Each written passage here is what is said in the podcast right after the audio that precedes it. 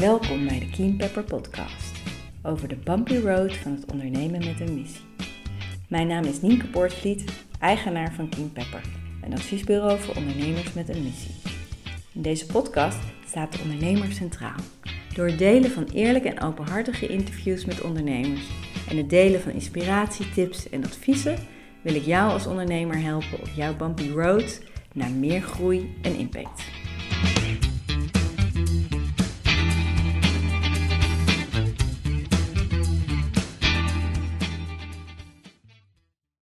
Welkom bij de Keen Pepper Podcast. Waarin ik het met jullie wil hebben over twee termen die je kent als je je een beetje hebt verdiept in de wereld van de business coaching en uh, de ontwikkeling van jezelf als ondernemer. En dat gaat over purpose en flow.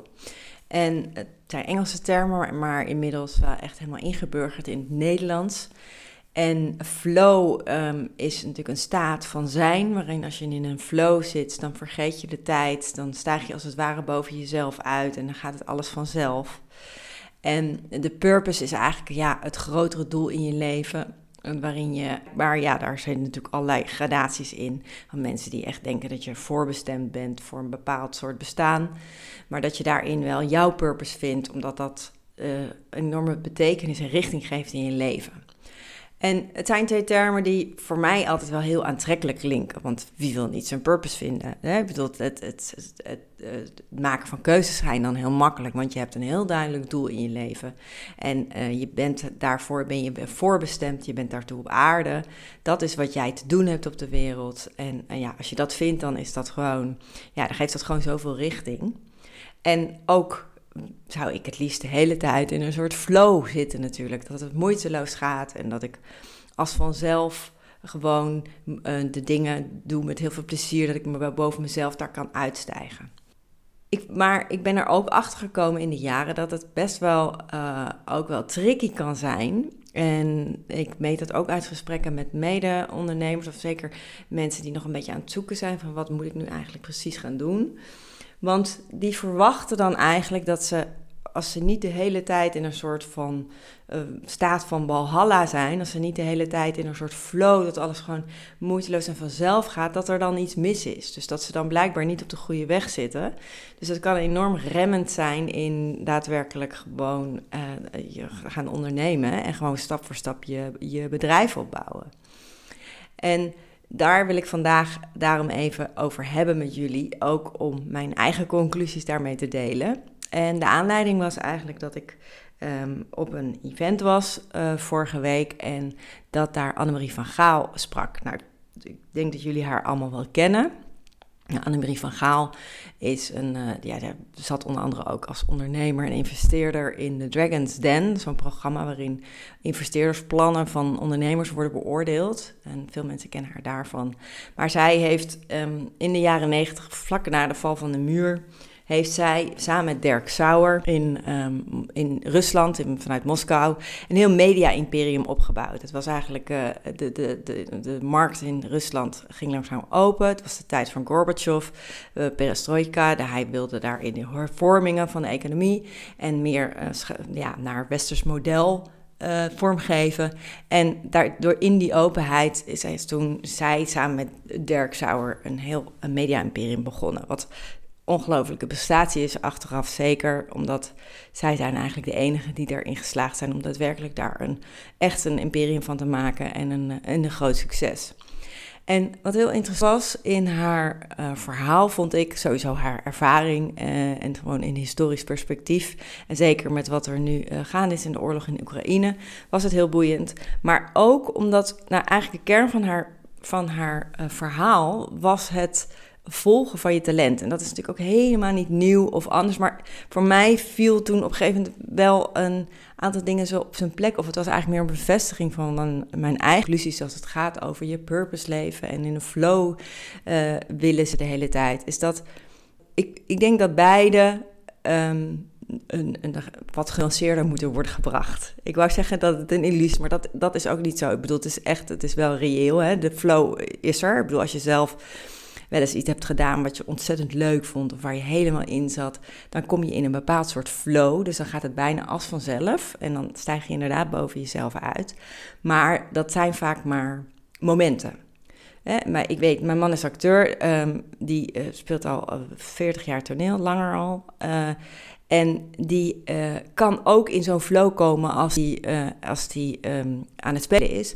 Maar dat is, zeg maar, op een hele tournee is zo'n echte flow is misschien uh, twee keer in de hele tournee. Dat hij echt op die manier, en dan is het vaak niet eens de hele voorstelling, maar dan is het echt, ja, dus dat het echt zo magisch is en dat je, dat je dan zo één wordt met het publiek, dat is gewoon, nou, ik denk zo'n twee keer op tournee van 40 keer spelen of zo. Dus dat is dat is gewoon niet iets um, wat, wat, continu, uh, wat een continu van zijn is. Um, en, en hetzelfde geldt voor je purpose. Ik heb ook een boek gelezen dat gaat van Stephen Cope, The Great Work of Your Life. En dat gaat over de Find Your Purpose. En dat is wel echt een pleidooi voor dat er zo'n soort van bestemming is in je leven. Maar eigenlijk, als je dus naar de kern kijkt van ook dat boek van Stephen Cope, gaat het heel erg over talent die je hebt. En daarom was het praatje van Annemarie van Gaal, wat ging over talent, viel bij mij toen, zeg maar, samen met al die conclusie die ik eerder had getrokken. Dat het niet zozeer over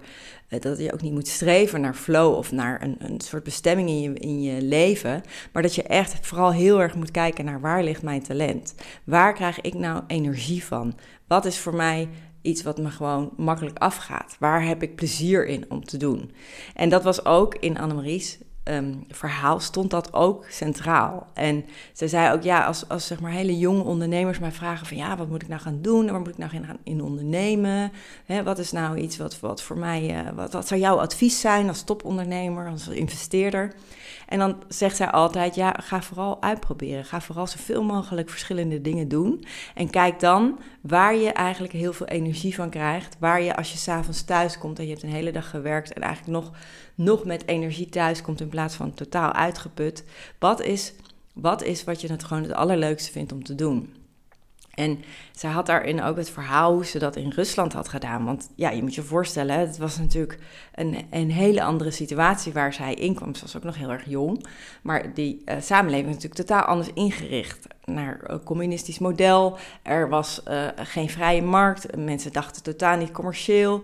Het hele, de opleidingen waren allemaal heel erg gericht, bijvoorbeeld over uh, raketgeleerden, ingenieurs. Maar er waren niemand die zich bezighield met meer uh, commerciële vakken, um, bijvoorbeeld zoals marketing of sales. Of, dus was eigenlijk een heel groot expertise um, wat ontbrak bij de beroepsbevolking. En ze moesten wel een bedrijf opbouwen, een commercieel bedrijf. Het was een media-imperium. Ze hadden allerlei bladen, kranten, die moesten ook verkocht worden. Eh, dat moest natuurlijk echt commercieel opgezet worden.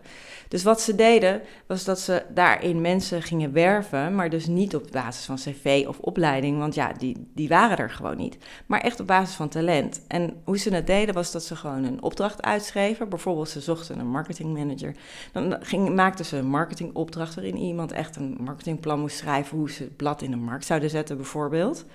En die gaven ze gewoon open, dat was gewoon een open opdracht. En iedereen, iedereen kon daarop reageren. Van de schoonmaker tot de receptioniste, tot de financieel directeur, tot, nou ja, zeg maar, het was gewoon een anonieme uh, sollicitatie in die zin. En de sollicitatie bestond er dus uit van, door het maken van zo'n opdracht.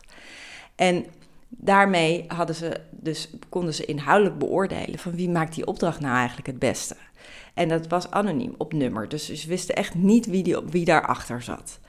En dat werkte fantastisch. Dat was gewoon waanzinnig. Er waren gewoon, daar, daar kwamen de grootste mooie talenten bovendrijven die anders nooit hun weg hadden gevonden naar die baan. Omdat ze, ja, daar uh, gezien ook de situatie daar, helemaal de achtergrond en opleiding niet voor hadden.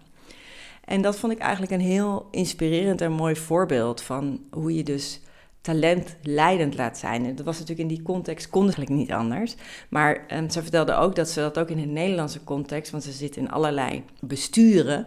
En soms is het heel moeilijk om vacatures te vullen, vooral nu hè, met die krappe arbeidsmarkt. Dat zij dan ook altijd voorstelt van, laten we het opengooien. Laten we zo'nzelfde soort procedure starten, waarin mensen gewoon reageren op een vacature, niet op een vacature, maar op een opdracht. Dat je op die manier gaat werven. En, ehm, maar dat dat heel veel weerstand oproept en dat mensen dan, ja, ja, dat dat, dat eigenlijk nooit er doorheen krijgt. Omdat de bestuurders dan zoiets hebben van, ja, ja, straks dan reageert de receptioniste, weet je wel. Dan hebben we straks een receptioniste hier als marketingmanager. Nou, helemaal juist fantastisch, zei Annemarie. Maar dat is dus niet iets wat, wat, uh, wat Weerklank vindt, wat mensen uh, aandurven om te doen.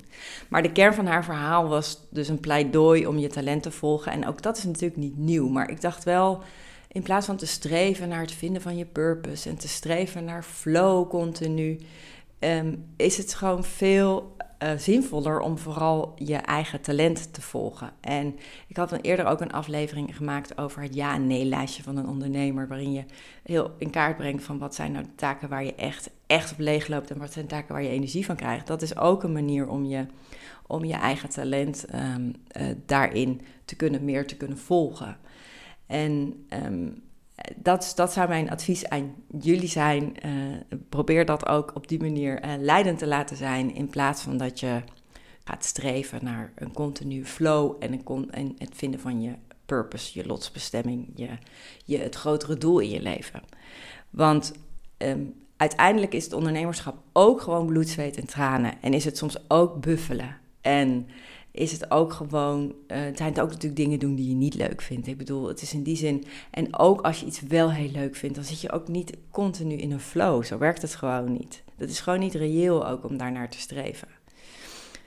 Maar ik geloof wel heel erg in het doen waar je echt energie van krijgt. En ja, wat ik daarin een hele mooie quote vond en wat ik zelf wel heel erg heb ervaren ook. Um, en die komt is geloof ik uit een Bijbelse tekst. En in het Engels, um, if you bring forth what is within you, it will save you. If you don't bring what is within you, it will destroy you. En die is best wel heftig, maar ik vind hem wel heel erg waar. Want het is dus ook niet vrijblijvend om niet te doen wat er in jou leeft. Het is ook niet vrijblijvend om daarin je talenten daadwerkelijk te ontplooien. Want het is echt zo dat dat op een gegeven moment je echt van binnen kan uithollen als je dat niet doet. Of als je iets doet wat bij je past. En ik heb dat zelf, ervaar dat zelf ook heel erg, dat het er bijna echt uit moet. Omdat ik anders gewoon ongelukkig word. Dus if you bring forth what is within you, it will save you. Dat niet doet, if you don't bring forth what is within you, it will destroy you. Als je dat niet doet, dan zal het je vernietigen. En dat klinkt heel heftig, maar ik, er zit echt een hele belangrijke kern van waarheid in. Dus bij deze een, uh, voor een pleidooi voor het volgen van je talent, wat daarin dus ook niet vrijblijvend is. Ik wens jullie een hele mooie dag. Uh, ik hoop dat jullie hier ook inspiratie uitputten. En tot een volgende aflevering.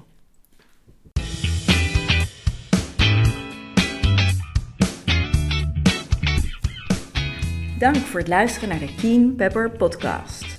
Als je deze podcast interessant vindt, kan je je via jouw podcast-app abonneren via de button subscribe of abonneren. Elke keer als er een nieuwe aflevering wordt gepubliceerd, ontvang je dan automatisch een berichtje. Je kan via de podcast-app ook een review achterlaten, dan kunnen nog meer mensen de podcast vinden. Als je iemand kent voor wie deze podcast ook interessant is, kan je de podcast ook delen via een eenvoudig linkje via Spotify bijvoorbeeld. En last but not least, ik vind het super leuk om berichtjes te ontvangen van luisteraars. Dus laat het vooral weten als je vragen hebt, opmerkingen of suggesties, of als je een belangrijk inzicht hebt gekregen door de podcast. Je kan mij bereiken op info@keenpepper.nl. Nogmaals, heel erg bedankt voor het luisteren en tot de volgende aflevering.